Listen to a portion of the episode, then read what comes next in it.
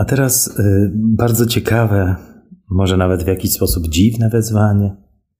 Józefie, ewangelizowany przez pasterzy betlejemskich.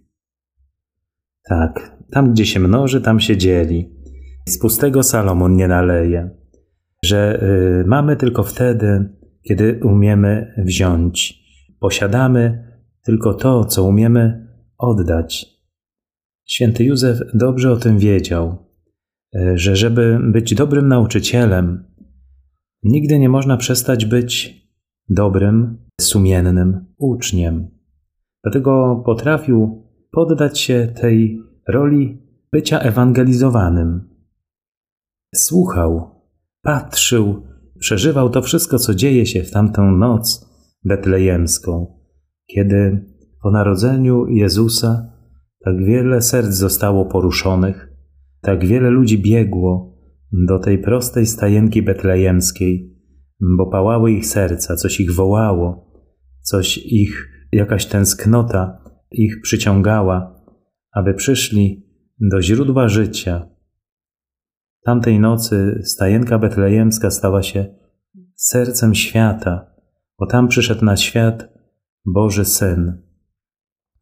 Przyszli także pasterze betlejemscy, prości ludzie, którzy spędzili na polach ze zwierzętami całe życie, żyli z tego pasterzowania. Gdzieś ta harmonia życia na łonie natury też ich otworzyła na to Boże wołanie.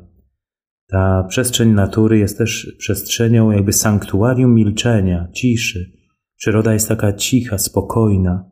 Te góry, doliny, nawet ten szum wody, który powinien może rozpraszać człowieka, to nawet y, silny szum wody jest jakimś źródłem ukojenia.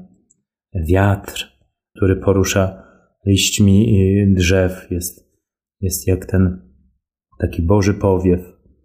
Myślę, że każdy z nas to czuje, że natura niesie w sobie taką harmonię. Jest jakby, zbiera się te, te wszystkie dźwięki natury na jakąś Bożą muzykę, jakieś Boże przesłanie, Boże orędzie. Święty Józef w swojej delikatności, swojej skromności umiał słuchać i umiał mm, przyjąć orędzie prostych ludzi, pasterzy, ludzi ciężkiej pracy, pracy rąk, z której żyli. Może dzisiaj Józef nam przypomina o tym, że trzeba słuchać wszystkich, że każdy człowiek jest świątynią Ducha Świętego i Duch Boży tchnie, kędy chce. Mądrość Boża przychodzi poprzez usta dziecka, poprzez dary mędrców ze wschodu, przez prosty pokłon pasterzy, przez ich adorację. To widzi święty Józef, to wszystko chłonie. Widzi, że jest w centrum Bożego planu, że został zaproszony do samego serca Boga i raduje się tym, że może być cieniem Ojca i odnajduje w tym wielkie szczęście. Jakie bogactwo otwiera się przed nami, żeby umieć słuchać, żeby nie pogardzić nikim, żadnym człowiekiem, żeby nikogo nie przekreślić, że każdy może przyjść do nas z orędziem ewangelicznym, że może przynieść nam jakieś wewnętrzne światło. Muszę powiedzieć, że takim człowiekiem, który umiał słuchać, był Jan Paweł II. Warto przypomnieć sobie jego zasłuchaną w drugiego człowieka twarz, gdzieś z takim grymasem skupienia na twarzy, gdzie próbował nie uronić ani jednego słowa, kiedy mówiło dziecko, młodzieniec, osoba chora, cierpiąca, starsza.